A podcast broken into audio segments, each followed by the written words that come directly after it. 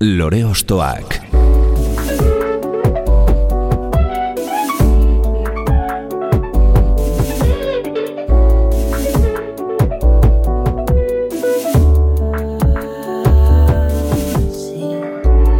Ekain perezek aurkeztuta, gonbidatu bakoitza lore bat balitz bezala ostokatuko dugu. Jakiteko, zeintzuk diren bere lore ostoak. Haupa, zer moduz, ongietorri lore ostoak. Larrabetzu eta barainain artean jarriko dugu gure begirada. Bertan, generazio berri baten isla izan asmoz sorturiko proiektua baita gaur abiapuntutzat hartuko duguna. Ate hori irekitzeko giltza, Katxalin Barzena abeslaria izango da, bera baita, gure gonbidatua eta gaur entzungo dugunaren nolabaiteko arduraduna. Hau lore ostoak da, eta gaurko gure lorea, J. Martina. Jada ez daukat gogoan nola hasi zen guzti hau nola entzuten diren orain diktiro hotxak mendietan itxasaldeko ekaitza desegindako ametxak zer geratzen da orain zer geratzen da Jada ez daukat gogoan nola hasi zen guzti hau nola entzuten diren orain diktiro hotxak mendietan itxasaldeko ekaitza desegindako ametxak zer geratzen da orain zer geratzen da Ez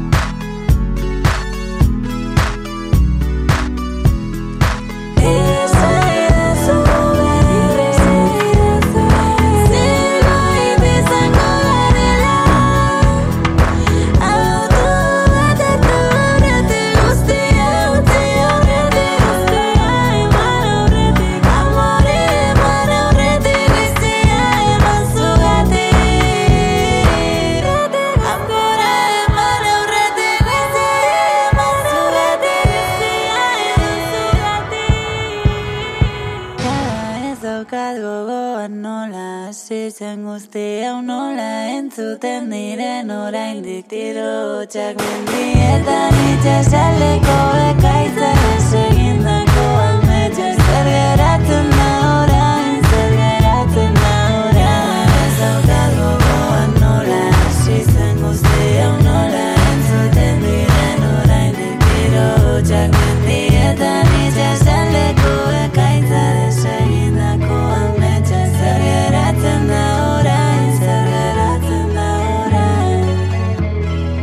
2008an Ane Barzena izparekin eta Javi Jorajuriarekin batera hasi zen Katxalin Barzena J. Martinaren lehen kantuak sareratzen eta esperimentazio edo froga guzti horien emaitza borobila da jaio naiz baina izeneko albuma.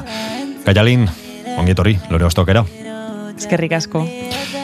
Lehenengo abestiaiekin alderatuz, e, diskonetan nolabaiteko koherentzia edo koesioa bilatu duzue abestien artean? Bai, bueno, ja duela urte bete, justo urtarrian e, disko hau kaleratu genduna, eta mm, bai, egia esan, osea, iruditzen jaku e, disko honetan lortu gendula borobiltzea apur bat, e, bueno, J. Martinan soinuak, J. Martinak gure pretensioak edo ez dakit, hor, hor arte kaleratu gendu zen kanta ezberdinak, oso ezberdinek de hecho euren artean, be bai, E, e, jaio naiz baina albumeko kantak bai oso ezberdinek dire euren artean, eta bakoitzako e, rollo ezberdin bat, baina bai nabaritzen gendula, esentzia bat, edo bai nabaritzen gendula, e, bueno, e, asmo batzuk e, landuta eta ja e, helduago edo garatuago. Mhm, Bai, e, kantuak ezberdina dira, baino norabide bat definitu duzuen Bai, bai, ez? bai. Badakizuen nora zoazen edo zerrekin nahi duzuen. Aurreko kantuak agian, ba, e, hori bilaketa moduko bat izan dira. Hm, bai, hori da, eta egie da, album honet hau amaitu gendunan, jakin gendula amaitu gendula, jakin gendula esaten, bitu hau ja, holanda dago, eta hau buro bile da, eta sentitzen gendun osotasun bat, ez bakarrik e, abestiekin bebai, e, abestiak, abestiekaz batera sortu gendun, satxagaz batera sortu gendun, e, iruitegigaz, julenegaz, eta, bueno, osea, iruditzen jakun, e, lortu gendula lanari heldutasun hori emote eta osotasun hori lortzea, bai. Bai, askotan kantuetan, bueno, kantu ez hitz egiten dugu, baino kantu ez aratago ere badoa J. Martina, bueno, beste talde asko, baino zuek ere garrantzia ematen diozue, ba, taldea osatzen duen ba, elementu orori, ez? Bai, osea, iruditzen jaku e, guztiz e, e, zilegi dala e, e, musikaren aspektu ezberdinetan zentratzea hau da, iruditzen jaku zilegi bebai musikaren aspektu e, aizaket, auditiboan bakarrik zentratzea eta ese mota garrantzirik beste zerreri, baina guri ba, bai interestan jaku e, musika inguratzen duzen beste elementu batzuk bebai e, aztertzea eta ikustea ze, ze efekto lort, lortu aldan e, aspekto horiek landuz, estetika izan daitekena kasu honetan, eta mm, eta bai egia da album honetan ba aukera auki dugula e, zentzu horretan e, bai ba Juleneren estilismoaren bitartez Satxaren e, bueno Satxa eskultorea da gehien bat eta bere e, lararen bitartez ba e, gure kantuek e, aspektu ezberdinak e, hartzea edo forma ezberdinak hartzea, ez? Ba, bai bideoetan edo bai argazkietan edo bai e, kanta bakarrik entzuten dozunean, ez? Eta ez dakit berezek interesanta iruditzen jaku, orduan e, bai izan da gure intentzio bat album honetan aspektu hoiei heltzea. Pop elektroniko esperimentala egiten duzuela esatea egokia litzateke. Takit eske, hain zaila da, eta gero ikuste dut, em, e, bueno, nire inguruen behintzet, e, musikari bateri bez esiakola guztetan izen bat jartzea berak e, egiten Bai. dauenari. Batez be, e, gaur egun iruditzen jate, e, hainbeste zabaldudan momentuen e, musikan estiloak eta soinuek ja dira indezberdinek, ez, di, ez die lau estilo klasiko eta ja, sino... Pff, Orduen, iruditzen jaku, e, gure referentziak, por lo tanto, diela mila, e, musika iteko erabiltzen dugu zen referentziak, eta bebai e, lortzen dugun e, ondo, ondorioz lortzen dugun e, produkto, objetoa edo gure, gure soinuek bebai diela mm, hori referentzia askoren e, ondorio, egia da oso poperoa garela, egia da, e, bueno, musika ezakit, entre comillas, urbanoari jakiteko zer egiten duten Bai. referentzia ez guztien nolan deitzea, baina e, asko edaten dugula, baina beste erreferentzia asko dauz bebai gure musika iterak orduen eta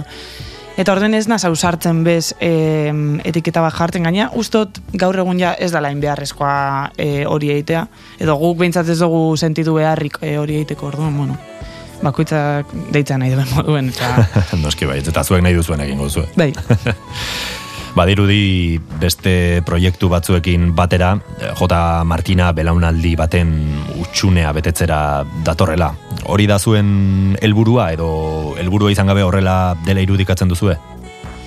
Bueno, baina baritzen dugu e, gure belaunaldian e, erreakzio asko egon direla e, erreakzio ezberdinak, baina erreakzioak azken finean gure e, Euskal Herri honetan e, aurretik egondan e, ez dakit, musika egiteko e, moduari e, dagokionez, ez? Iruditzen jate orokorrean pisu handi auki duela e, gure herrien e, rock radikal baskok adibidez eta rock radikal baskok e, utzitako em, arrastoek. Naiz eta gero em, modu ez dakit eskutuago baten edo egondan egon dire beste zirkuito batzuk bai ez direnak horretan zentratu baina egie da ez direla izan e, gehien bat em, e, popularrenak edo gehien entzun dienak, eta iruditzen jaku arrasto hori e, agot eta egondan enean, hau da rock radikal baskoren e, arrasto hori, e, bueno, jendeak sentidu duela e, behar bat e, beste modu batzuk e, aurkitzeko, musika egiteko beste modu batzuk, gure asmoak beste modu baten e, adierazteko, eta eta beste bide batzuk e, esperimentatzeko. Orduen, em, bai, osea, iruditzen jaku reakzio bat bai egon dala, gure, edo emoten ari dala, reakzio bat, Em, eta hori, oso era ezberdinetakoak direla, eta gu, gu bueno, bai ikusten dugu gure burua reakzio, reakzio baten baitan. Mhm. Errealitatea plasmatzeko eh, modu berri bat, ez? Edo, bueno, gaur egungo e, testu ingurua ba, irudikatzeko modu berri bat, ez? Azken finean? Bai, bai. Osea, guk oso presente dekogu e, gure taldean e, bizio guzen e, garaiak, bueno, gura salean bizi dugu zen garaiak, bai krisi testu ingurua ez krisi ekonomikoa bakarrik, baizik eta horrek ez ondorioa, deko zen ondorio sozialak, e, politikoak eta artean ere e, bere ondorioak e, dekoz ez, eta, eta musikan. Orduan, bai e, saiatzen gara e, bueno, gure burua kokatzen e, realidade horretan eta e, gure posizioa realidade horrekiko apur bat e, lantzen e, musikaren e, arloan, bai e, formalki, hau da, ba, bai estetika eta soinuei dagokionez, eta bai e, edukiari dagokionez edo letrei, letrei dagokionez. Amore izena du entzun dugun lehen kantuak, zer kontatzen diguzue, bertan? Jo, niretzako amore da mm, em, albumeko em, objeto estrella edo gehien kariño handien, handiena dekotzetena, bat ez be, e, bueno, egia da, e, niretzako polite dela, kanta batek margen aukitea, gero e, entzuten duen bakoitzak bere eran bai, e, ulertzeko, eta bere, ez da, kanta hori bere egiteko eta berantzako, ba, esan nahi ezberdinak eukin aldeuz e, abesti batek ez. Baina nik, e, niretik, e, niretzako kanta hori, e, bueno, sortzen da ambiguedade baten, e, eiten dugu berba e, Euskal Herriko e, aurretik, gure belaunaldiaren aurretik egondan beste ziklo politiko batetaz, e, eiten dut euskeinoak e, borrok armatu bateri, eiten dut euskeinoak e, e, amets, e, bueno, hautsi diren amets batzuei, edo e, desesperazioari, e, aldi berean emoten dugu bai harreman batetaz ari dala, e, izan alda maitasun harreman bat, edo izan alda kidetasun e, harreman bat, baina bai hitz egiten dutela, e, hitz egiten dugula bigarren persona bat enez, eta mm, ez dakit, niretako da zintzoa eta intensoa, eta horregaitik e, nire ustez e, konektetan dugu beste e, jendeagaz, edo bintzat lortzen dugu, ez dakit, emozino hori edo pasino hori e, ez dakit, kontzertuetan jendeak abesten duenean niretzako da increíble, osa da super intensoa. Mhm.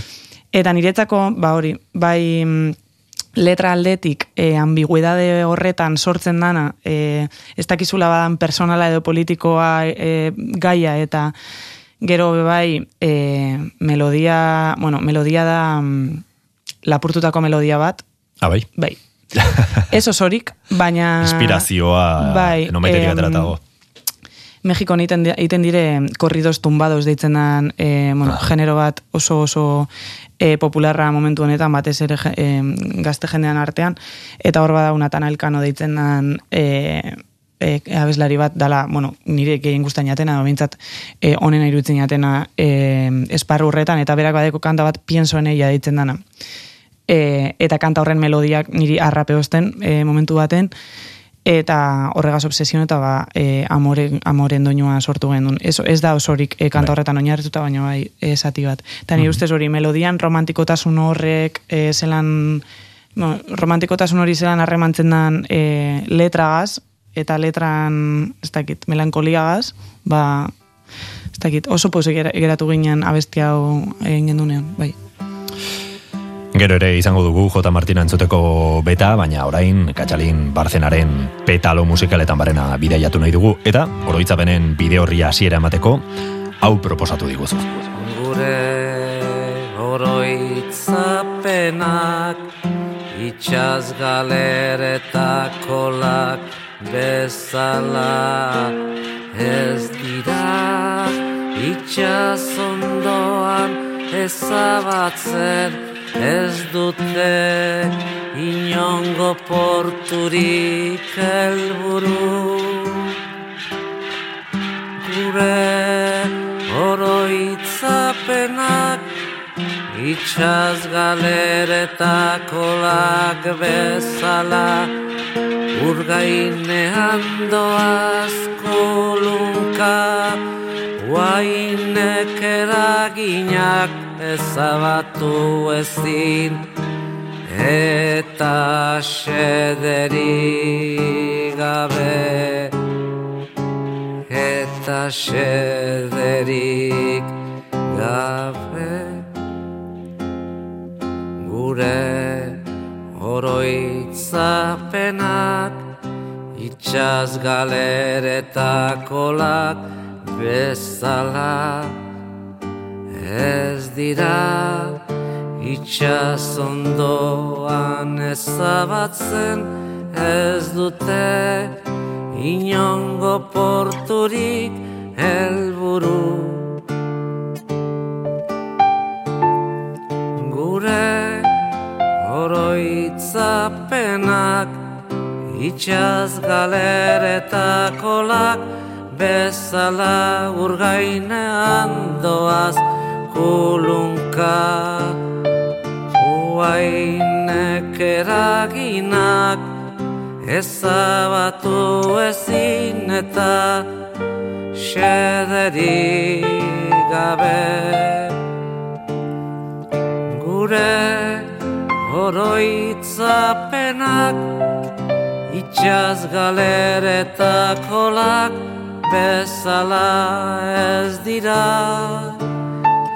Itxaz ondoan ezabatzen ez dute inongo porturik helburu. Gure oroitzapenak itxaz galeretakolak bezala urgainean doaz kulunka. Huainek eraginak ezabatu ezin eta xederik gabe. Gure oroitzapenak itxaz galeretakolak bezala ez dira. Itxaz ondoan ezabatzen ez dute Inongo porturik helburu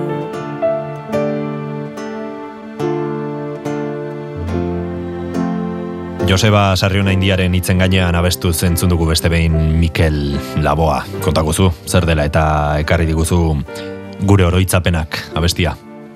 Ba, a ber, lehenengo eta behin, e, bueno, sorti abesti aukeratu behar zen momentuen, e, erabaki nemen hausaz erabakitza baino, bueno, e, eitea, lista aleatori bat eitea baino, ba, igual, aukeratza abesti batzuk nire trajektoria musikal personalean eragin auki eurienak. Bai.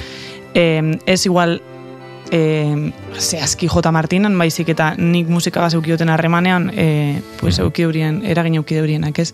Niretako e, Mikel Aboa da, ez dakit Mikel Aboa barik ezin da ulertu nire ustez Euskal Herrian e, egondan, gerora egon diren, egondan panorama musikala eta horren garapena.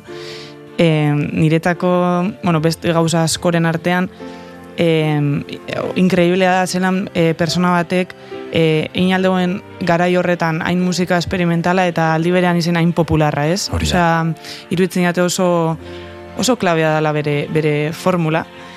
E, gero bai kanta honetan, e, zehazki, bueno, kanta honietako oso berezia, gainera, e, nik eukinoen lehenengo musika taldean, e, bueno, kexala deitzen zen, eta ginen launeska akustikoan joten genduna, eta auk abesten genduna, abesti hau abesten gendun.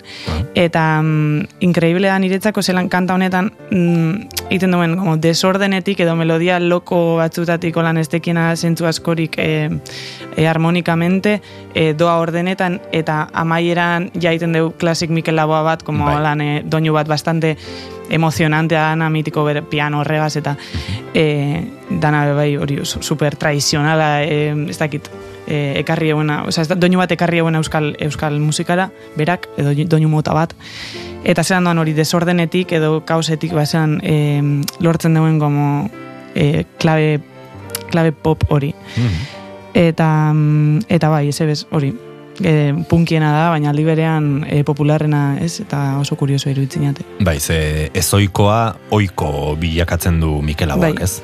Hori Bai. da bere, bere magia edo esaten duzuna, ez? E, hasiera batetik bere estiloa ikusita, ba, e, ezin pentsatzen ezake e, masentzako musika Mhm. izango zenik, baino, Mhm. baino hori lortu zuen. Bai. E, testu inguruagatik, Bai. edo, bueno, dena delakoaren gatik, baino Baina kosta egiten da, ez hori irudikatzea, eta errealitate bada. Bai, tal cual. Generazio edo belaunaldi berrien talka edo bilakaera aipatu dugu lehen, iruditzen zaizu eh, testu inguru ezberdina kontuan hartuta noski, eh, sor daitekela Mikel Aboa bezalako ikur bat gaur egun, bideragarri ikusten duzu? Em, ba, ez dakit. Ez dakit bez hain importantea dan e, horrelako mm, ez dakit em, ikonoak e, como tal e, sortzen nire ustez em, importantea da em, musikarentzako jakitea jakitea konektatzen e, Mikel Hauak egiten zuen moduen e, hau da e, niretzako important, osea, artista bera, artistak bera garrantzia hartzea baino edo mm ez dakit, ez dakit zenbateko estadioa e, talde batek betetzea baino, nire ustez importanteagoa da e, musika horrek lortzen duena, hau da e, ez dakit, e, komunidade bat izen aldan edo ardura bera konpartitzen duen jende baten txako rito bat, errito bat izatea edo e, bueno, lortzea e, ardura hoiek, e, sentimendu hoiek, emozio hoiek eta e, ez dakit, kontaketa bat e, egin alizatea. Inkluso kontaketa bat egin, edo ez dakit, imaginario bat sortu, jende horrentzako, ez? E, ez dakit, hori da nire ustez e, Mikel Hauak lortzen zuena eta eta interesanteena dela bere, e, ez dakit, figura horretatik. Mila beratzen da laurogeita amalauean izan gara, amalau izeneko Mikel Aboaren diske irekita eta aurrera begira jarriko gara, beste lore osto baten bila. Gonbidatu bakoitza lore bat balitz bezala ostokatuko dugu. Ezaguzu, norekin goaz orain? Bueno, e, ito izen Ezekielen profesia karriot. Mm e, egi esan, e, ez dut aukeratu kanta hau bereziki, e, bueno, kanta hau main kanta, eh? baina, bueno, ito izen kanta beste... Beste hainbatek bai, bai, E, baina hori ez dakit bai irutzen jate e, oso e, iraganekoa eta aktuala dela aldi berean egitu izen e, musika ez, osea irutzen jate bueno, e, inkluso gaur egun sortzen adien talde berri askoren gan ikusten dut e, ito izen e, referentzia. Eta mm, bai doinuei dagokionez, bai e, ez dakit euren e, fantasia eta realidadean arteko letra hoiek be bai irutzen dute super super guaiak, osea, irutzen dute e, oso erreferentzia ona dela ba, ikusteko bai, bai melodikoki e, eta bai e, letren idazkerari dagokionez eta eta bar, eta bueno, bereziki, bai, ezagit melodiak asko guztetan jatez, eta abestiak asko guztetan jatez, ez tekot bez holan arrazoirik sakontzeko ito izen, baina, bueno, txikitatik entzun duten talde bat, da, etxean gurasoek eh, asko entzun duten talde bat, eta eta niretzako ba bai bereziana berezi izan da entzuta inkluso gaur egun entzuten dutena. Mm bai kotxean etorren hasenan pentseot gaur egun ez dutela inbeste musika entzuten euskeraz. Eta e, oza, horrek eman duzte zer pentseu. Eta entzuten badot musika euskeraz, askotan, diela beste garai bateko Urte batzuk atzera egin da, ez? Bai, bai, adibidez itoiz da talde bat asko entzuten duten. Kuriosoa da hori, batez ere, beno, ba, e, J. Martina bezalako talde bateko partaide izanik, ez, hau da, e, generazio berri baten e, soinua bezala irudikatzen dugun talde bat, ez? Baina aldi berean, atzera joan behar duzu, nolabait, mm, ezakit identifikatzeko edo e, konexio hori lortzeko, ez? Bai, osea, usteot em, zeu zer em, garaikide egin nahi badozu, eta ez em, zentzu merkantil baten edo algo que funcione, porque bai. jende asko e, termino hietan berbaiten dugu gaur egun bai. musikan, eta nire este bastante amorru. Gure bazu zeu zer garaikide egin, hau da, nahi bazu konekteu gaur egungo garaiarekin eta gaur egungo jendearekin, ze guk ez dugu egiten musika e, guretzako edo ondo pasetako baizik, eta egiten dugu musika irutzen akulako, em, in, oza, guretzako importantea dalako musikan ekoizpena, eta em, musikagaz e, lortu aldien gauzak, e, bai musikari dagokionez, arteari dagokionez, eta bai e, hortik, e, bueno, hortik at dauden elementuei dagokionez bai, eta mm, hori egin nahi badozu e, oso importante da aztertzea. Gaur egun ze, zer gertatzen den musikaren panoraman baina zer gertatu izan den bebai horren aurretik eta, bueno, oza, nire ustez oso, oso importantea da e, aurretik egon direnak e, entzutea, denetarik entzutea, eta eta ikustea ze, zer dan interesgarria edo ze elementu dien interesgarriak guretzako, gure ekoizpenean e, aportalde hurienak. oso aldakorra izan da itoizen ibilbidea estiloi dagokionez, zuk nola irudikatzen duzu hemendik urte batzuetara J. Martina kaleratu lezaken disko bat. E, soinu antzekoarekin edo guztiz proposamen ezberdina eginez. Bai, du, askotan bentsat hori, baina ez diate ez dut irudikatzen. E, beti e, e, pentsetan dugu Joda Martinan epe, epertainan edo epe laburrean e, batez be, ez dakit, batzutan ikusi dut ez talde batzuk, dekiesenak hainbeste urte, batzuk die, e, miresgarri benetan, eh? baina mhm. beste bat, talde batzuk hainbeste urte eta nire ustez hainbeste urte sobran, bai. hau da, batzutan talde batzuk irauten dauriela eta iten dauriena da iraun edo biziraun, e, ezer berrie e, aporte barik. Orduen, e, ez jaten guzteko J. Martinak hori egitea. E, guzteko jaten e, amar urte gehiago, ama boste edo gehi irauten badeuz. E, bueno, ez dakit proposamen e, berriak e, kaleratzen joatea, baina ez... E, askotan hori zentzu merkantil baten, edo, bai. bueno, e, alizeteko jarraitu, bezakit, musika egiten eta musikatik biziten eta kontzertutatik biziten, baizik eta benetan iruditzen jakulako, orain dideko gula zauzera portetako, edo oraindik e, ez dakit, aldo guzela, aldo gula esperimentazio bide horretan jarraitu, ez?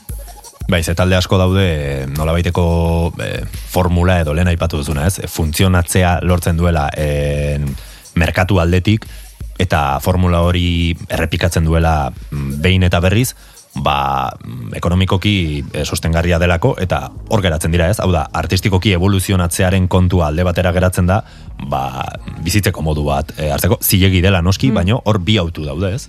Bai, bai, nik ez dut inor e, epaituko zentu horretan, ez dut e, zutzet esan gure jendeari zerrin behar duen, baina bai ikusten dozu, e, talde askok momenturen baten lortzen deuriela exito bat, e, dana dalako gaitik, e, izen alda, bueno, ez dakit, faktores berdinen gaitik lortzen deuriela exito bat momentu baten, eta orduen e, gero goten dire, beste hainbat urte, e, lortutat, lortutako exito hori e, aguantatu nahian edo reproduzitu nahi, mm nahian ez, eta gero ikusten dozu, e, ez dakit, berrogeta marri urogei urteko jendearen talde bat, azkenan akabetan dagoela, amabost urteko jendeari abesten, hor kristun deskonexinoa ez, porque sean aldeu konekteu generazio guztiz desberdin batek, musika horregaz, baka, musika hori, hori, formula hori sortu salako, ba, duela ez dakizen bai. batez. Orduen, hor nire ustez sortzen die desfase batzuk eta eta ez jaten guzteko niri behintzet jota Martina moduen horretara heltza baizik eta benetan e, ez dakit gauza berriak aportatzen jarraitzea. Mm -hmm. Bueno, hemen kamar urtetara beste elkarrizketa bat egin bai, eta ea, ea, zertan geratzen den.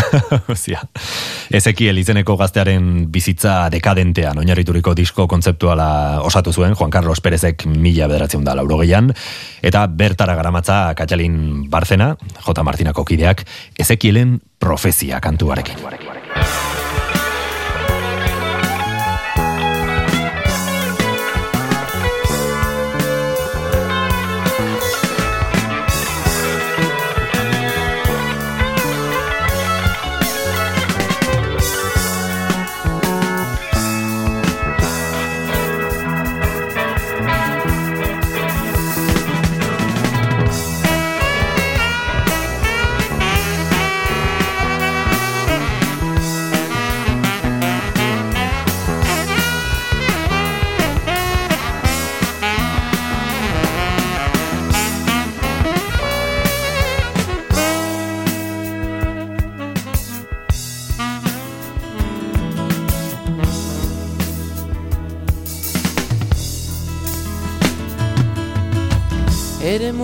Dunen atzetik dabil.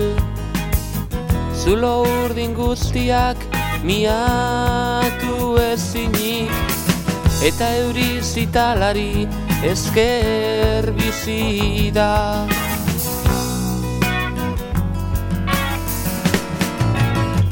Ikusi zituen gurpil zutsuak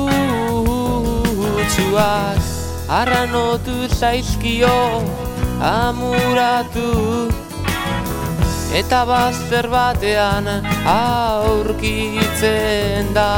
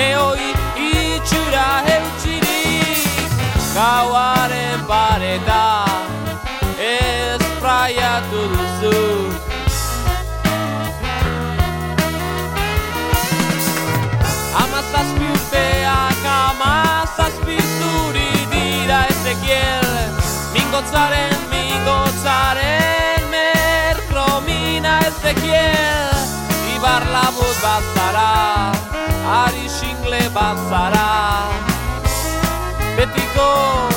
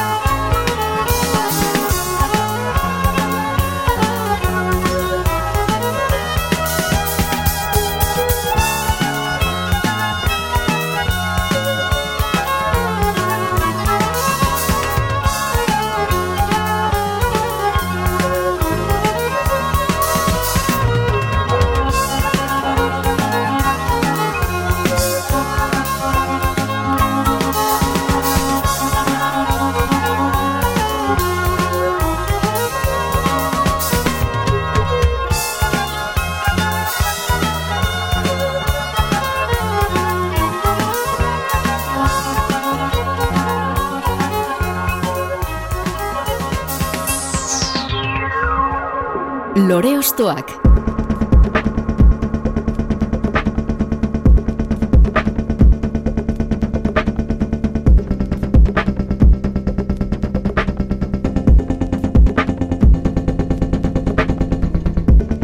Juan Carlos Pérez eta konpainia izan ditugu ezekielen profeziarekin, azetalde puska, itoiz, eta jarraian datorrena ere beste soinu guztiz ezberdin batekin, baina azetalde hau ere ez, Katalin?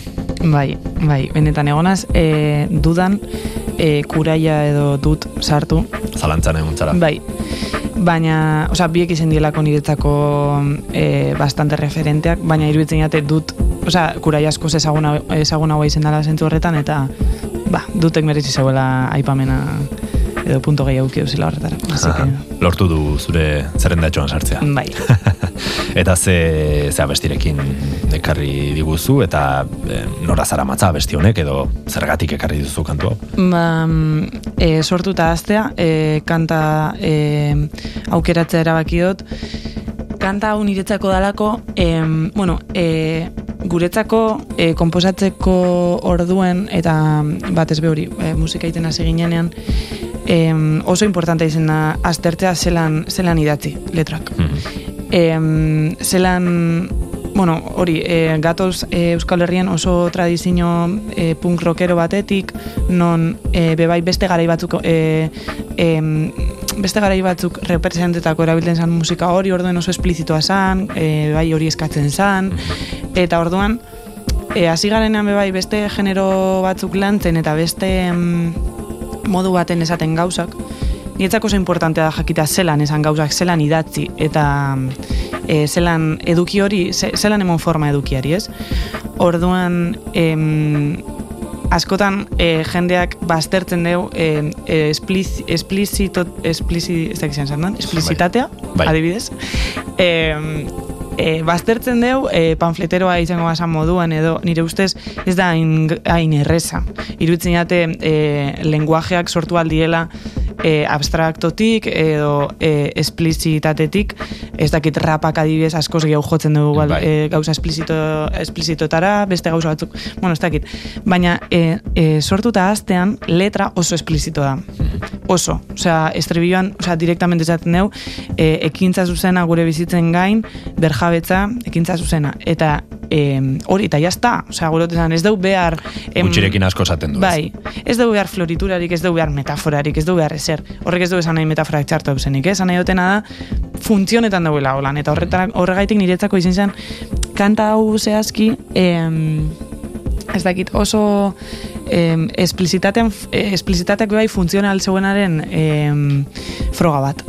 Eta horregatik, ba, ba id- idazketan e, referentziatzat e, hartu dute zen talde ezberdinen artean eta kanta ezberdinen artean, pues, hau, hau izen zen e, importante, hau izen, izen da importantea. Bai. Aparte, dala temazo bat musikalmente be bai, eh? Osea, kendu barik hori. Baina bai, zuen lan egiteko eh, garaian edo mm, txertatu dituzue Bai. ba, eh, formula hauek edo Bai. bueno, eh, hitzekin lan egiteko modu hori ez, ze bai ematen diezue garrantzia soinu estetikaz gain eh, hitzei ez?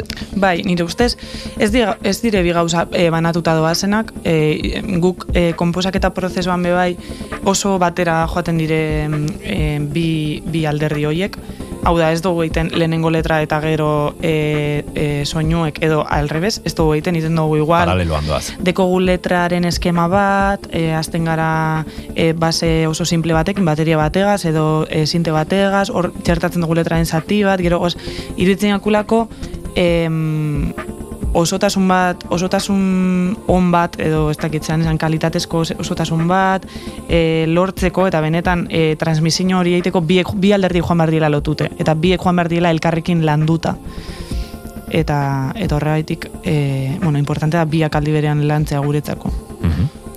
Zurekin WhatsApp hitz egiten ari nintzela atentzioa deitu dit, eh, norberaren irudiaren azpian Ah, bai. jarri daiteken mezu edo dena delakoan ekintza zuzena gure bizitzen gain jarrita Bai. duzula, hau da, eh, kantu honetako hitzen zati bat digitalkitatu atu da edo Bai. daramazu horrez. Bai, eske nietzeko da, da lema bat hori, da lema bat, eta em, politikan impliketa en, dauen edonorentzako bada em, ez dakit premisa bat, ez, ek, ekintza zuzena gure bizitzen gain, hau da, em, ez dakit, ikustea zer dauen gure silborretik aratago eta apur bat, em, ez dakit, realidadearekiko dekosun implikazioa, ez? Eta bai, bai musikan zein beste arlo batzutan. Eta nietzako hori da, ez dakit, lema importante bat. Ba, mila bederatzen da, laurogeita maseiko at, diskoa geure ganatuko dugu, Katxalin Barzenak eskatuta, eta bertatik entzungo dugu, esan bezala, sortu eta aztea. Zuekin, dut. Sortu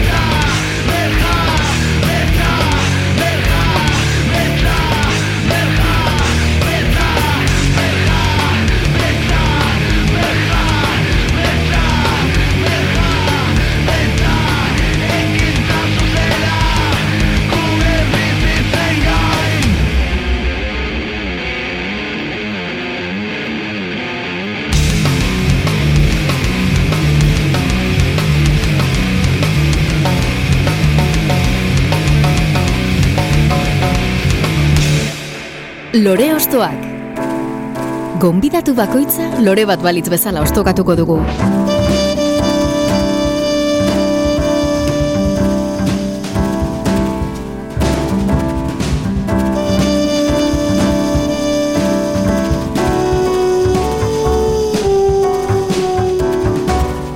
Laurogeita amareko gure rock estenaren ikur handietako batekin izan gara, eta gaur egungoaren beste bat izan daiteke urrengoa ez?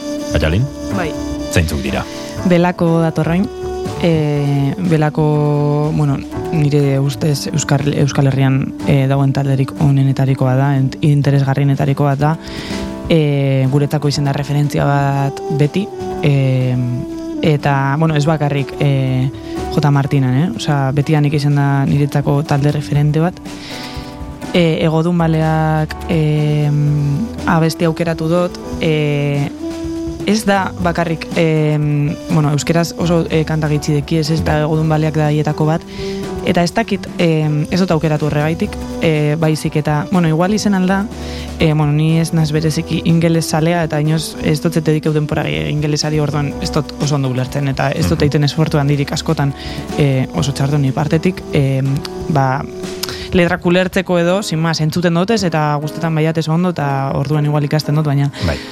Ez dakit, iruditzen jate kan, e, igual euskeraz dien kantak heltzen diela gehiago nigana besteak baino. E, Zuzenagoak claro, dira, ez azken finean erresago sartzen Sentitzen dozulako bai, e, sentitzen zailako interpeleta gehiago, ba, beste hizkuntza baten e, e, hitz egiten duen e, abesti bategaz, baino.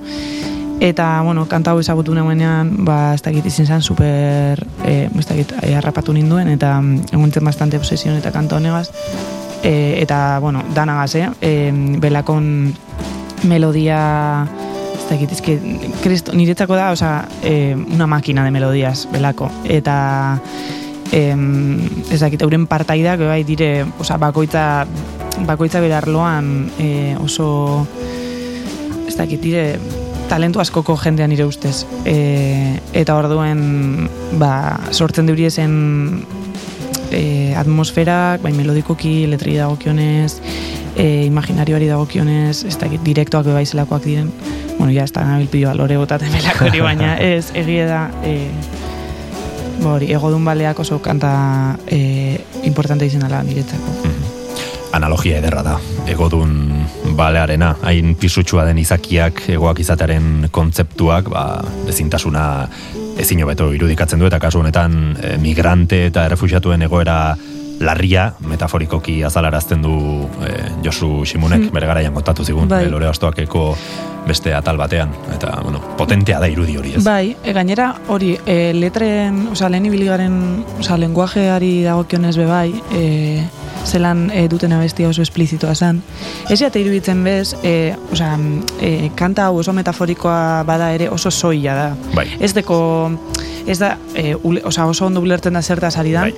eta e, poetikotasunari e, dagokionez oso garbia da, oso e, zintzoa da, ez da, nire ustez ez da, ez da floriturarik, ez da behar ez dan e, metafora. Ez da galtzen metafora horretan, baizik eta titulua da, agian hor... e, Eta oso era soil baten e, kontatzen dugu, oso era zintzo baten. Bai. Orduan, nire ustez bebai idazkerak eta e, oza, bebai eragina deko kantan, oza, kantak funtzionetan duela ikusteko.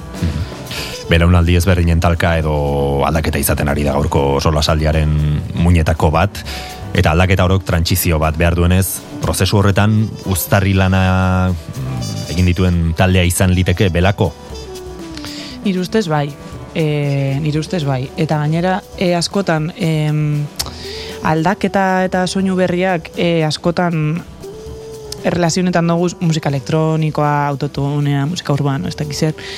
Eta bai, bai, obviamente, e, ez dakit garapen teknologikoak eta e, ekoizpen e, moduen e, garapenak ekarten deuz be, musika egiteko beste forma batzuk, bueno, orokorrean munduan bizitzeko beste forma batzuk, baina e,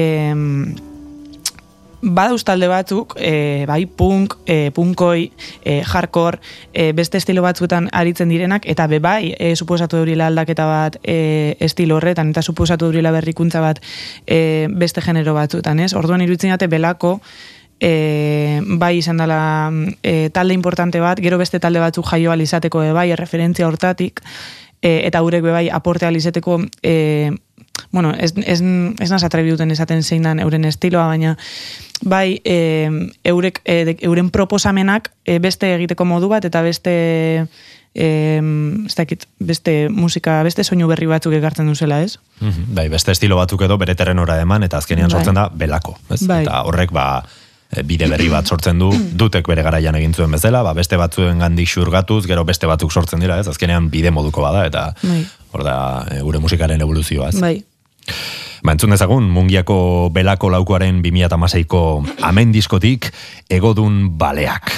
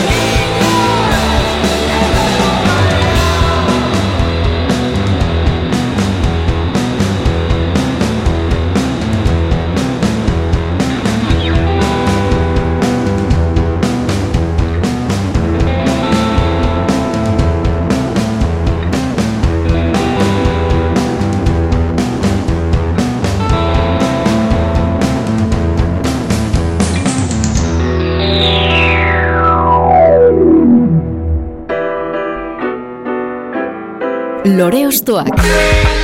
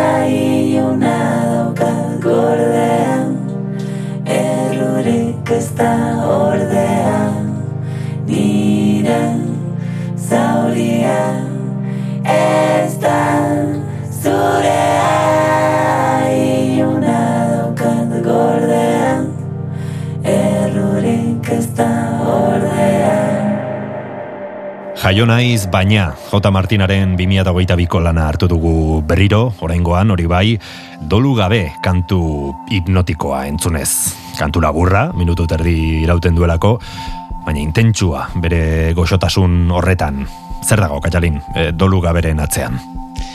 Ba, bueno, gauza asko, baina mm, dolu gabe nire ustez da mm, oso abesti intimoa eta aldi berean e, ez dakit, jende asko, jende askoren tzat dana intimoa, hau da, e, dauela idatzi eta oso mm, aspekto personal batetik edo oso aspekto, bai, uniko batetik, bai, zure, zure bizipen konkreto batetik edo, bueno, ez, nire ustez ez da inbeste bizipen baten oinarrituta baizik eta bizipen ezberdinetan eukin aldozun pentsamendu edo e, emozio edo sentimendu egoera baten egoera baten inguruan idatzite baina e, ez dakit, niretzako e, anaridan moduen la maestra de e, de convertir lo más lo más íntimo y lo más personal en algo súper colectivo o que muchísima gente conecta con eso, nire ustez kanta kanta hau bai e, jaiot, jaiotzen da horretatik ez, jaiotzen da oso mm, gauza simple batetik eta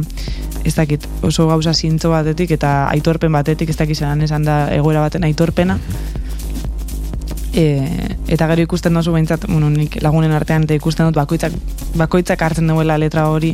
Bere bere e, bizitzako momenturen bat e, definiduteko edo bueno, ikusten duela beragan be eta hori oso oso guaia da, oso guaia da. Bai, ez dago konkrezio eh, absoluto bat, azken finean mm, itzoiek aplikatu ditzake norberak bere bizipenetara eta agian horregatik empatizatzeko kapazidade hori du, ez? Kantu honek edo Bai. iristeko gaitasun hori, azkenean eh, zuk eta anek abesten duzuen arren eh, norbera abesten egongo balitzake bezala sentiarazi eh, daiteke ez, kantu hau Bai. entzutean. Bai, nire ustez, em, zintzoa zarenean eta ez zarenean saiatzen e, interpretetan, ez dakit, beste munduko pretensio batzuk Bai. gauza batzuk, bai, dienak azkenan, pff, ez dakit, bai, jente asko egiten duz kantak, e, bere oso urron dauzen gauza batzuen inguruen. E, eta iruditzen jate, askotan gauzarik txikienak eta gauzarik intimoenak eta em, gauzarik personalen hori hori dala jenteak bizi duena, jende normalak bizi duzen gauzak ez? Eta eta ez da, eta ez dakit kanta honetan definitzen da mo- movida oso simple bat, oso zintzo bat, era oso simplean esan da. Eta eta hori Mhm.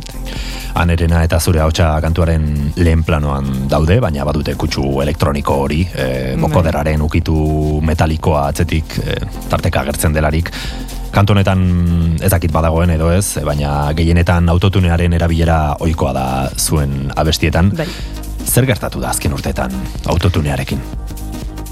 Bueno, eh, ba, nik uste dut ja apurka apurka ja superetan da bilela auto, autotunan asuntoa, porque ba, praktikamente, eske jende asko erabiltzen deu, eta gauzak normalizetan dire, ez? Eh, esan nahi dut, pues, gitarra elektrikoa normalizetan den moduen momentu baten historia, ba, autotuna bai normalizetan da, eta nik uste dut e, debate antzuek ja apurka-apurka abizela geratzen e, desfase, eta hau da, pues, e, ez, e, ondo abesten badakizu ba ez sartu autotunea, e, osea, guretzen dela urte asko ja ez dela erabiltzen autotunea botxak afinetako. Osea, ja oin dela urte asko erabiltzen da autotunea, igual Euskal Herrien ez, baina bueno, Euskal Herrien be incluso ja badire bost, sei, zazpi urte, jende desentek erabiltzen duela autotunea e, bera bestitan orduen.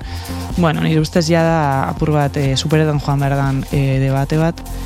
E, guk kanta honetan justo kontrako egin dugu, ba, erabiltzen dugu beti, osea, hasieratik oso argi uki gendun autotunean egin duela erabili, nos encanta, nos encanta sortzea melodiak e, autotunean oinarritute, guzteinako asko jolastea ahotsa ezberdinekin eta autotuneagaz, baina bueno, bebai ikusten gendun em, bilusteko era bat, zala e, abesti honen letragaz batera, e, abesti honetan ahotsak sin mas agertzea, ze, bueno, dauz ahots ezberdinek eta plano ezberdinek, e, abesti honetan, e, esan duzu moduen boko derra hortik, baina, bueno, e, abots printzipalak anerenak eta nireak dira ezer barik, eta, bueno, bada beste, beste tresna bat, e, ahotsako lan agertzea, e, segun zer nahi lortu abesti horregaz, ez? Espresio emozional bat da, ez azken finean. Bai, baina da, ez dakit, osea, ba hori, kanta honek eskatzen dauzkun hori, eta beraz, e, hori hori erabaki gendu nahitea, baina, bueno, nik, osea, niretzako autotunea da, ba, gure proiektuen e, elementu imprescindible bat, e, erabiltzen dugula guztetan jakulako,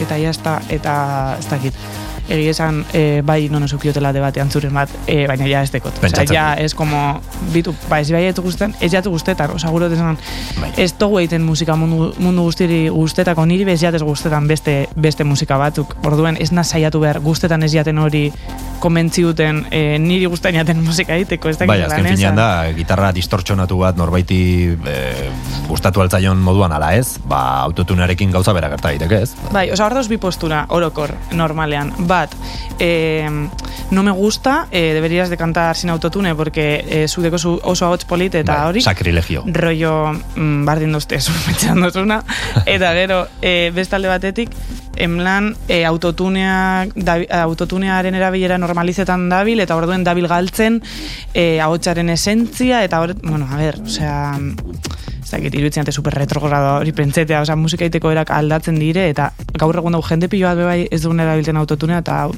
ez dakit, dana zilegia e, berdin-berdin, ez, orduan, ez dakit. Bai, azken finean zuk esan duzuna, ez? E, segun eta zer transmititu nahi duzun. Ba, kantu honetan zuek, be, zuek egin zenuten autua autotune sartzeko, bagian gertutasun hori bilatzeko, edo, bueno, e, e, biluzik e, agertzeko modu artistiko bat bezala edo, baina beste batzutan agian e, testinguruak edo, bueno, transmititu nahi duzuen horrek, ba, hori eskatzen du, eta horrela egiten duzu, eta puntu, ez? Bai, bai, beste barik. Mhm. Nola komposatu dituzue abestiak, bestela, lehen aipatu duzu, ba, em, ba, hitzak eta doinuak eta paraleloki edo aldi berean egiten dituzuela, baina esaterako e, kantuak e, abesteko garaian. Mm, ahotsak nola planifikatzen dituzue, norberak sortzen du, e, anek bere e, melodiak sortzen dituzuk, zureak, e, biok elkar banatzen dituzue, nola, nola izan hori da J. Martinaren prozesu hori? E, bueno, egia da, bastante kaotikoa izaten dela hasieran, e, irurok e, parte hartzen dugu e, sorte prozesu horretan. Eta, bueno, gehien bat igual letretaz arduratzen azni, melodietaz arduratzen gara han eta biok gehien bat, baina bueno, Jabik bai parte hartzen dugu horretan, eta gero instrumentala e, Jabik gauzatzen du beradeko solako jakintzak erabiltzeko bai, erabiltzen dugun programa eta bar, baina bueno, haneketanik bai parte hartzen dugu komposak eta aldetik. Horretan, orduen, momentu aberasgarriena izeten da irurok juntetan garenean estudioan. Ez da beti izaten, baina momentu horiek aberasgarrienak bai. Momentu horretan igual, osea, azten gara gauzarik simple, ba igual esan dugu, "Uf, honek bateriak, olako zeu zer, eh, azteko ongo zan ondo, eta sartzen dugu, bakarrik, pum, pum, pum, pum, osea, bateria bat. Edo aldugu sartu, eh, sinte bateaz, holan melodia txiki bat, eta horren gainetik, osea, normalean hasten gara e, e, ahotsaren melodia egiten, alik eta base simple batekin. Niri ez jate guztetan emotea un beat super e, Bai, produzituta edo egin ez. osatuta, ez? Ez, porque iruditzen jate flimitetan dagoela pilo bat, e, kompo, oza, niri, oza, gainera, me vuelvo loka olako zer jartzen ostinan eta horren gainetik hasi barna zenean, porque sentitzenaz arrap eta sentitzenaz limite ez bete, eta orduen, e, nire ustez, oza, guretzako onena izeten da, zeu zer oso simplea egin, eta horren gainetik saiatu melodia bat e, sortzen, melodia ez da zertan izan behar kanta osoarena, eh? zati bat, e, igualdeko guzo zer idatzit eta hori erabiltzen dugu, edo nanana, eta gero saiatzen gara letra bat kuadretan horregaz, eta gero ja behin gunean melodia bat eta base oso simple bat horrazten gara, ba, igual base apur bat gehiago garatzen. Eta igual jabi emoten dozku proposamen bat, bitu hau indo tal. Eta gero goaz soinua kentzen, gehitzen, eta gero e, ja hortik azten gara bebai garatzen ba, melodiaren urrengo zatiak, letra gehiago idazten. Normalen inoz ez dugu kiten bez letra bat osorik idatzite, eta venga, vamos a ponerle musika a esta letra, porque be e, sentitzen gara limit eta barduen Bai, bai. e, letrak nor- hasieran izaten die eskema bat, hitz batzuk, esaldi batzuk hortik solteak eta gero joaten gara guzti horreri forma emoten. Argi dagoena da, entzule bezala behintzat hori mm, transmititu didazuen niri, pertsonalki, baina zuk esan daukarekin, ba, azken finean, ahotsa dela e, kantuen epizentroa edo, Bai. ez, nola bait, ze ahotsak du lehenengo planoan dago oso presente, e, protagonismo asko du, eta horren gainean dago ba, beste guzia, ez? Bai, egia, em, hasieran publikatu zen kantatan, askoz e, gehiago ikusten dela gure sintetikotasuna. Igual, zu moduko kanta baten, edo beste zerbait edolan, oso sintetikoak dire instrumental aldetik, eta e, gehien bat ahotsa da. Gero igual, jaio naiz baina albumean, e, garrantzi gehiago bazten gara emoten e, basei eta e, soinu gehiago dauz, e, landuago dauz. Baina egia melodiak eta ahotsak ba, bai hartzen dugula garrantzi berezi bat, e, nik uste dut e, anetan ni, ez dakit aiztak garelako edo ko- dekogun konplizitatea gaitik bai gure ahotsak nazten diela oso era berezi baten, eta sortzen dugu zen melodiak bai diela e, bueno, guretzako dire zeusar bereziek, orduen egia da hartzen dugula, nahi barik be bai hartzen duriela garrantzi, garrantzi handie e, ahotsen e, doinuek. Bajota Martina entzunta, jarrai dezagun, Katxalin Barzena ostokatzen.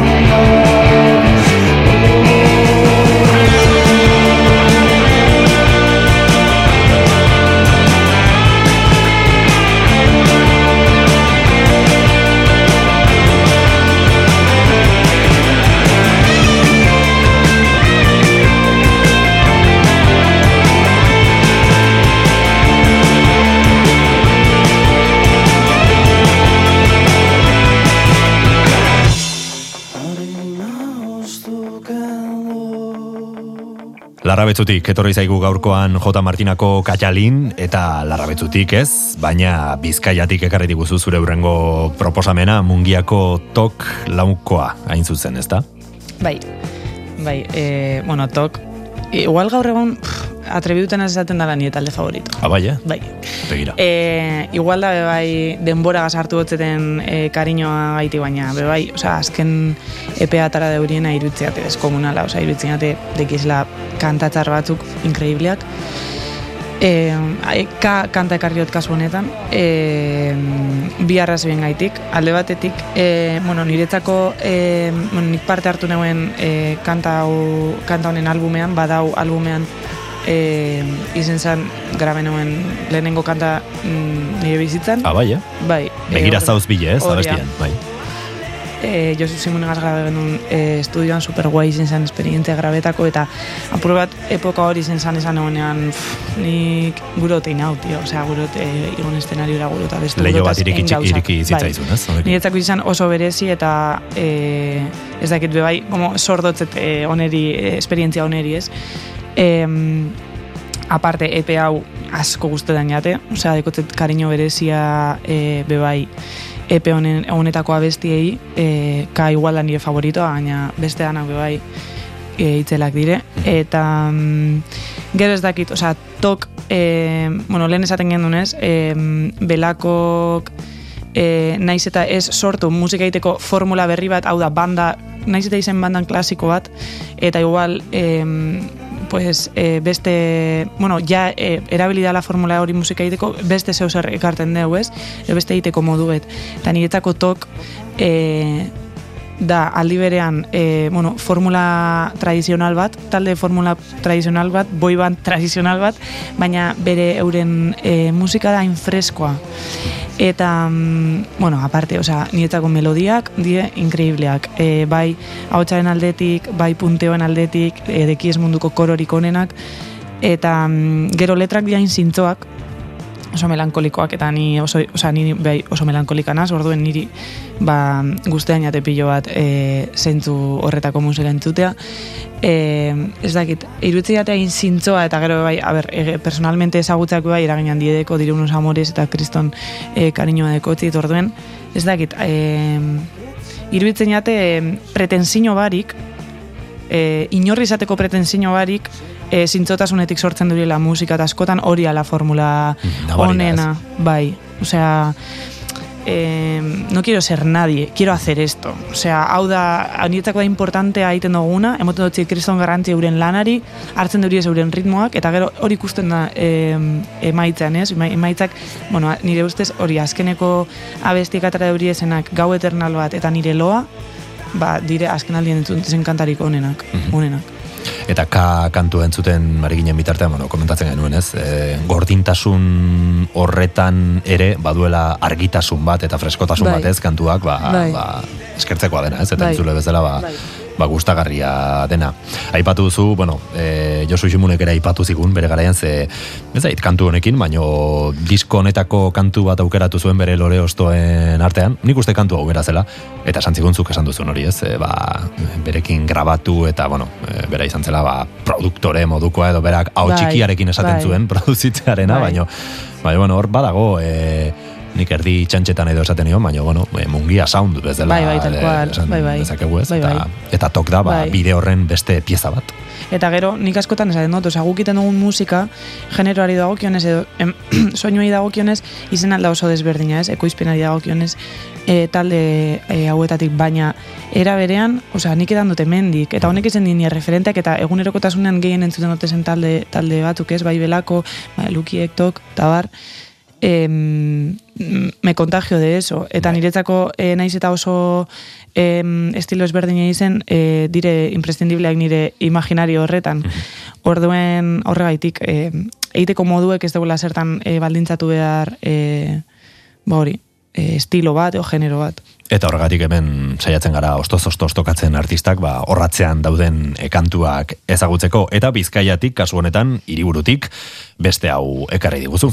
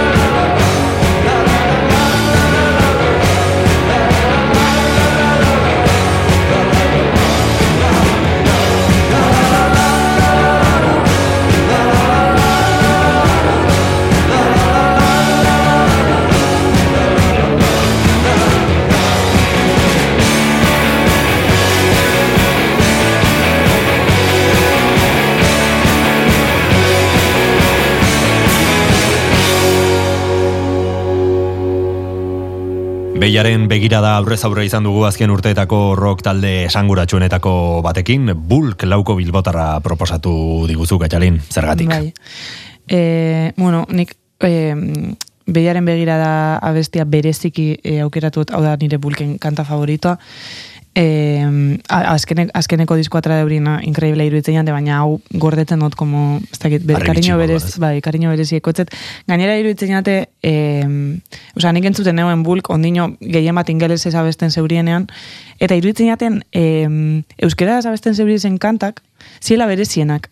Ta, le, ez dakit dan lehen esan dutena gaitik, eh? E, belakoaz e, moduen pastainatela, rollo, e, interpeleta sentiutena zela gehiago, e, euskeraz edo castellanos danean, baina ez dakit nietzako zien berezienak. Eta bai e, e, abesteko formaren aldetik, mezuaren aldetik, baina gero be bai, ez dakit, kanta honek justo deko zeu zer, osea, em, ama, bueno, hipnotikoa, hasiera Bai. gero hori e, lehen hitz egiten egon garen, emoten du beste epoka batera Bai, eramaten bukaera horrek ez, dauka harmonia bat, Bukaera oso niretzako piano hori altzan izen Mikel Laboan kanta batena, Bai. adibidez, ez? Osea, que me lleva como a esas melodías, em, beste garai batekoak, baina era baten como eh, nostalgi, nostalgikoa, nostalgia beste zeu zerrena, ez, du, ez dutena bizi igual, beste garai bat, ez dakit como eh, zeu zer fantastikoa. Eh, e, iruditzen jate eta eta eta kanta honetan e, ba, zelan deskribi, deskribatzen duen, bueno, e,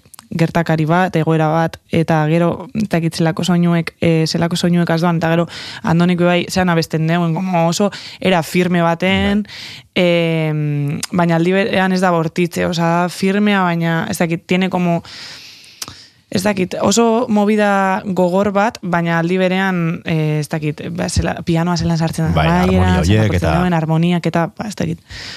Osea, oso berezi iruditzen jate kanta ez dakit. Mhm. Guztiz euskeraz abesteko autua egin dute, esan bezala bulkez da lan berria, baina for Dogs diskoko euskal kantu bakarra da, beiaren e, begirada izeneko kantu zarrau, zuek beti argi izan duzue, euskera zabestaren kontua?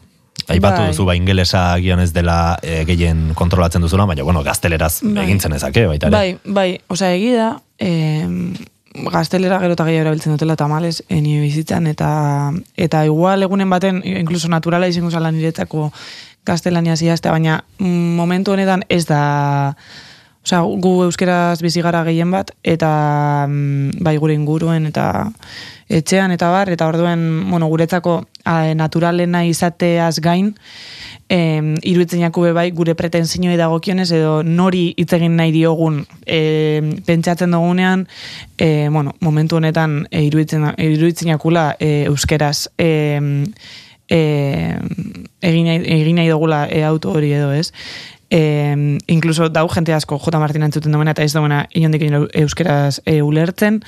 E, eta hori bai dela increíble, o sea, hori da super posgarri ez, batzutan, esan, es que jente asko izan hostia, es que yo no sé euskera, pero es que me da igual, Ja. porque, bueno, o sea, entzuten dut, eta, bai, bueno, pues nik entzuten duten moduen hizkuntza askotan, porque entzuten dut musika frantsesez, e, e, e, ingelesez, e, o sea, beste hizkuntza askotan, eta, eta ez lertzen, eta, e, e, ezakit musikako aidekoz beste aspektoa asko, heldu aldienak zugana, e, letras aparte, incluso Esango nuke bai, e, letra e, abesteko erak transmitidu aldotu zela gauza batzuk, naiz eta ez jakin exactamente zer da bilen esaten. Ba, bizkaiatik, bulk eta tokekin egindako ibilaldi honen ostean, e, gipuzkoara bueltan gatoz, beste proposamen batekin. Ekain Perezek aurkeztuta, gonbidatu bakoitza lore bat balitz bezala ostokatuko dugu. Eta talde honek ezin hobeto islatzen du zeta generazioaren izaera, kontzeptu, soinu eta estetika aldetik ez? Bueno, Merina Gris, e, gure talde kutxuna, J. Martinentzako e, imprescindiblea izen dela e, gure ez dakit bide labur honetan.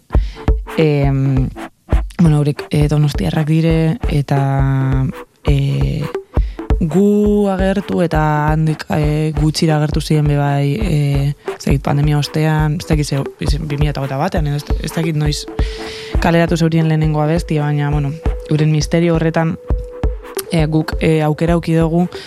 Alde batetik e, e, artista moduan elkar ezagutzeko eta e, kontagietako elkar e, nire ustez izen da em, eragin handia euki deu edo e, Merina moduko taldeak agertze Euskal Herrien guretzako batez be e, lehen esaten ontzuna em, guretzako dauz talde asko ez deurina gure genero bardin edo gure estilo, bueno, estilo esatea, zeus esatearen Bai. bardina jorratzen, baina, bueno, e, kontagietan garen eure, euren gandik ez, baizen handinak tok, lukiek, belako, eta bar.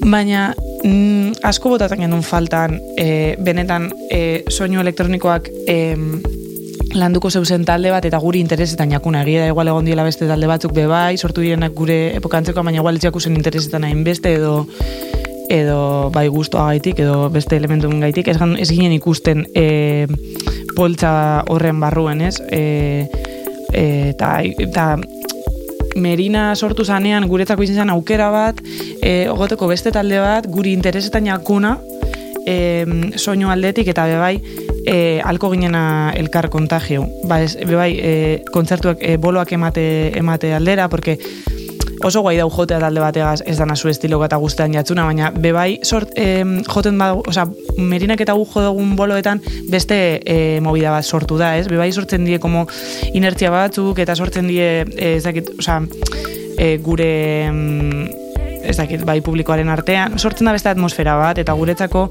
em, egota beste talde bat, e, ba hori, e, gugandik hurbil egon aldan genero bat lantzen duena, dakit, gure proiektuen artean konversazio bat e, sortzeko era metaforiko baten esan da, e, pues izen da imprescindiblea eta guretzako pues, guk asko eskertu dugu. Beze, kontzertu piloago dituzute Pilo bat, pilo bat, bai, bai. Eta ez dakit, osea, gaur egun eukitea olako apoioak. Eta dekien kontagiarte eta apoioa. Bai. Osea, hori da niretzako e, Komunidade sensazio hori sortzeko, Bai. ez, azken finean. Bai, eta hori, pues, emerinak proposatu eskunean ez geratu azalean bideoklipean gu agertzeko, ba, izan super guai, izan como lehenengo, holan toma de kontaktoa talde moduen eurekin, e, igual, e, ba, julen ezagutzen genuen gehiago, baina e, besteak igual ezain beste, eta hori izan como lehenengo toma de kontaktoa, eta hortik aurrera, ba, f- kriston afinidade auki dugu eurekaz, eta, bueno, asko maite dugu, eta, eta aparte kriston talde dira, bai. Mhm. Beraz, nola baitzuek ere kantu honen parte zarete, ez? Bai. E, bi- beraiek e, identitatea estaltzen dutenez, zuek jarri Bai. zenioten kantu honetan, e, ero bideoklipean behinik behin e, aurpegia, ez? Merina, Bai, esperientzia bai, polita. amak esaten zuen, ai, kanta barri atrazu, ez ni ama, tio, ez gara gu, osea, eh, bai, ez, osea, naiz eta oso evidentea izen eh, videoclipetan agertzen zen jenteak ez besten, pues gente batentzako ondino, como Bai. creaba esa confusión, eta izen bastante gracioso, Bai, bai. oso konklusio obvio ateratzen. Bai. Ez zuek zaudete hor, beraz zuek zarete. Ez? Bai, osea, a ber, ahotsa ez da gurea, igerten da ez da la gurea, eta barri, eh, baina, bueno, Mhm. ez dakit oso guai izan. Ez geratu azalean izena du honek eta gu ere ez gara azalean geratuko. Zerua orain 2008 biko Merina Grisen kantua entzungo baitugu. Ei,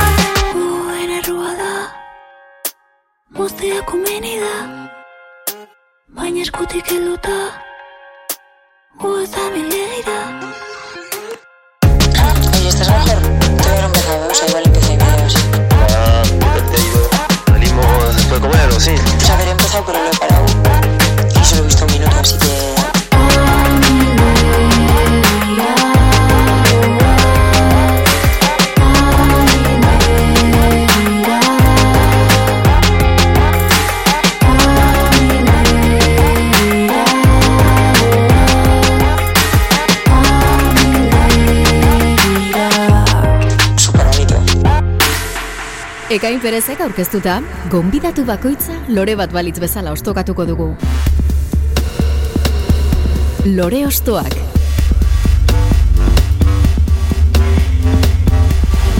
Merina Grisen doinuei jarraitu zartu dugu Katxalin Barzenaren lorategi musikaleko beste petalo bat, eta azken lore ostoa eskatuko dizut, guztiz biluzteko, zer entzungo dugu orain.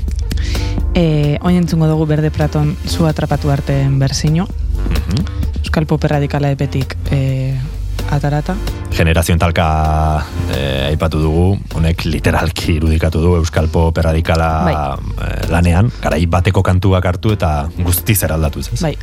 Osa, niretzako, e, bueno, lehen esan moduen, e, artista bakoitzak e, arrazoi baten gatik egiten dugu, e, egiten duena eta e, gero publikoak hartu dezake era ezberdinetan, ez? Nik apur bat enfokikot, nik, nik zelan e, jasoten hau, baina niretzako izan da como meharsen lo reakzionario.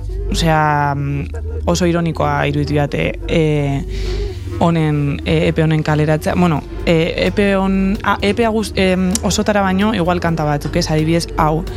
E, gero be bai nire inguruen ikusi dut ez reakzio oso ezberdinek kanta honekiko e, askotan jendak ez deko pazientziarik, ez deko, ez da, mm, ez dut moten e, bi vuelta, pare bat vuelta, ez? Eta ez como, a ver, zelan alda abestu, abesti hau holan, e, hau ezin da egin, sabes? Como, o sea, literalmente hau ezin da egin, sabes? Como, Bai, zeintzarazu, ez? Mm, Bai, osea, kanta lege hau izango basa moduen e, pff, eminentzia bat, ez? Eta, o, em, ez dakit, iruditzen ate, e, obviamente, negu gorriak, eta negu gorriakek em, lortu zegoena bere garaian, em, bada, niretzako em, musika politikoaren, em, ez dakit, e, oso kontuan hartzeko eta eta oso importantea, garrantzia ni emon bardakon e, fenomeno bat, ez? Eta errespetuz e, tratatu behar dana. Horrek ez dugu esan nahi, e, gaur egun e,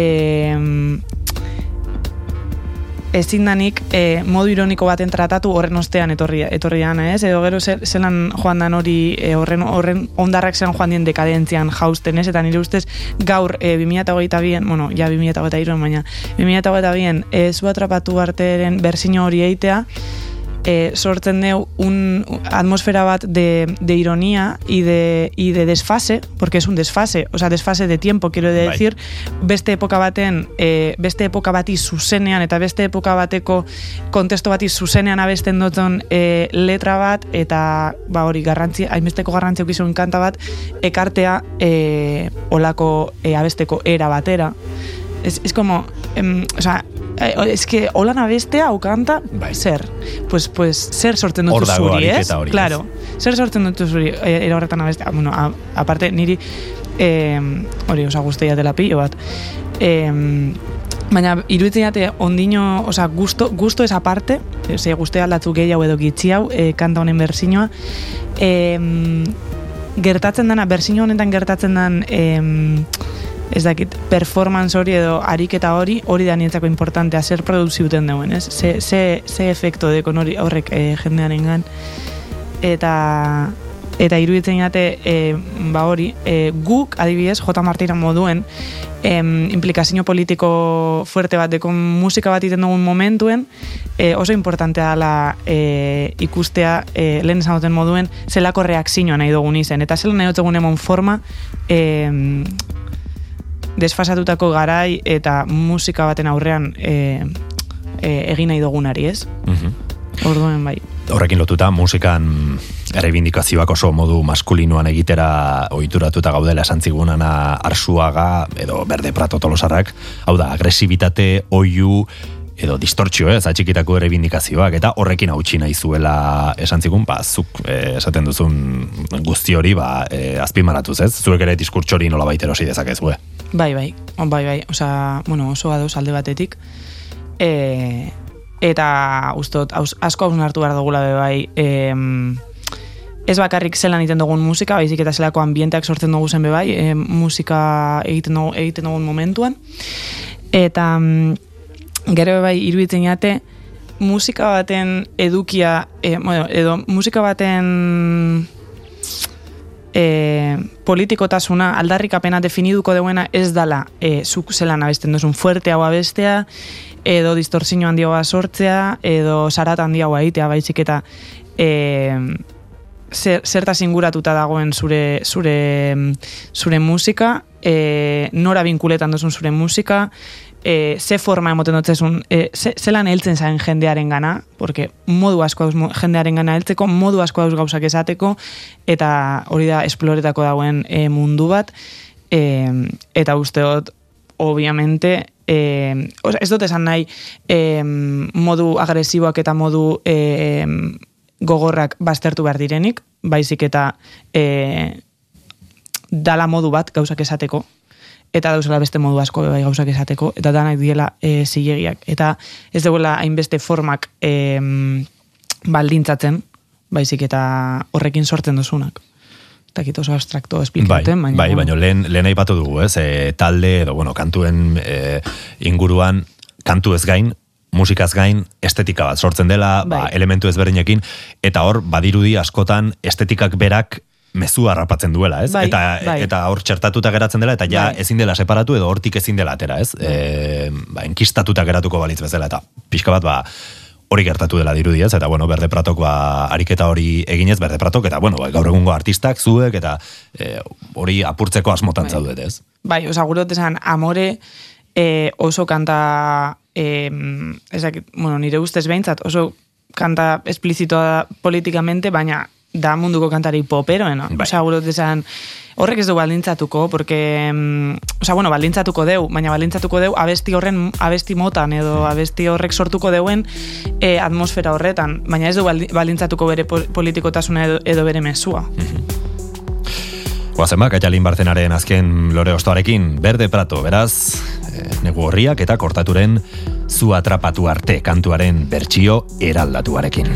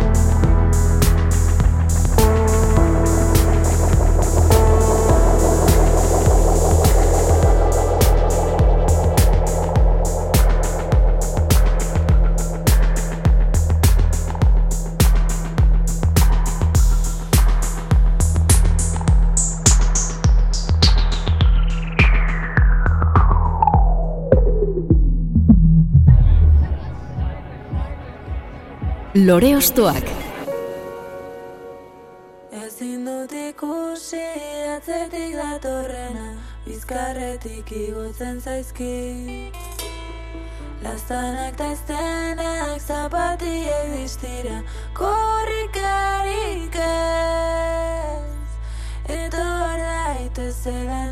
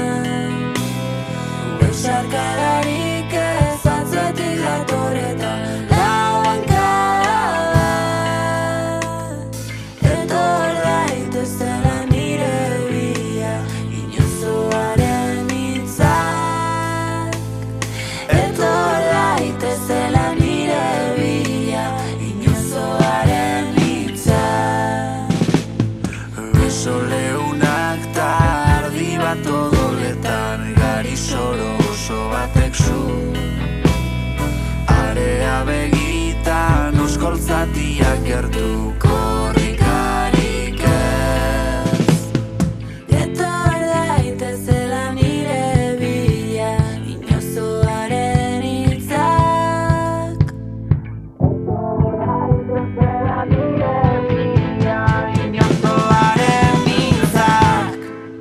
Ostokatu dugu dagoeneko J. Martinako Katalin Barzena abeslaria eta bukatzeko jaio naiz baina diskoko kolaborazio lan bat entzuten ari gara, ibilbide Nafarrekin osatutako ez daukat ezer.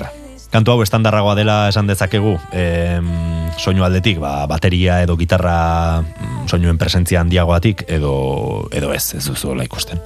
Bai, bai, osea, e, nik uste dut kanta honetan e, bi taldeen e, esentzia edo ikusten dela alde batetik, bueno, e, J. Martinan ba, ez dakit, e, ahotsen e, melodiak, e, jokuek eta bebai e, sinteak eta bar, gero amaiera bebai dau bat, bateria bat e, ustot e, bateria elektronikoa dela.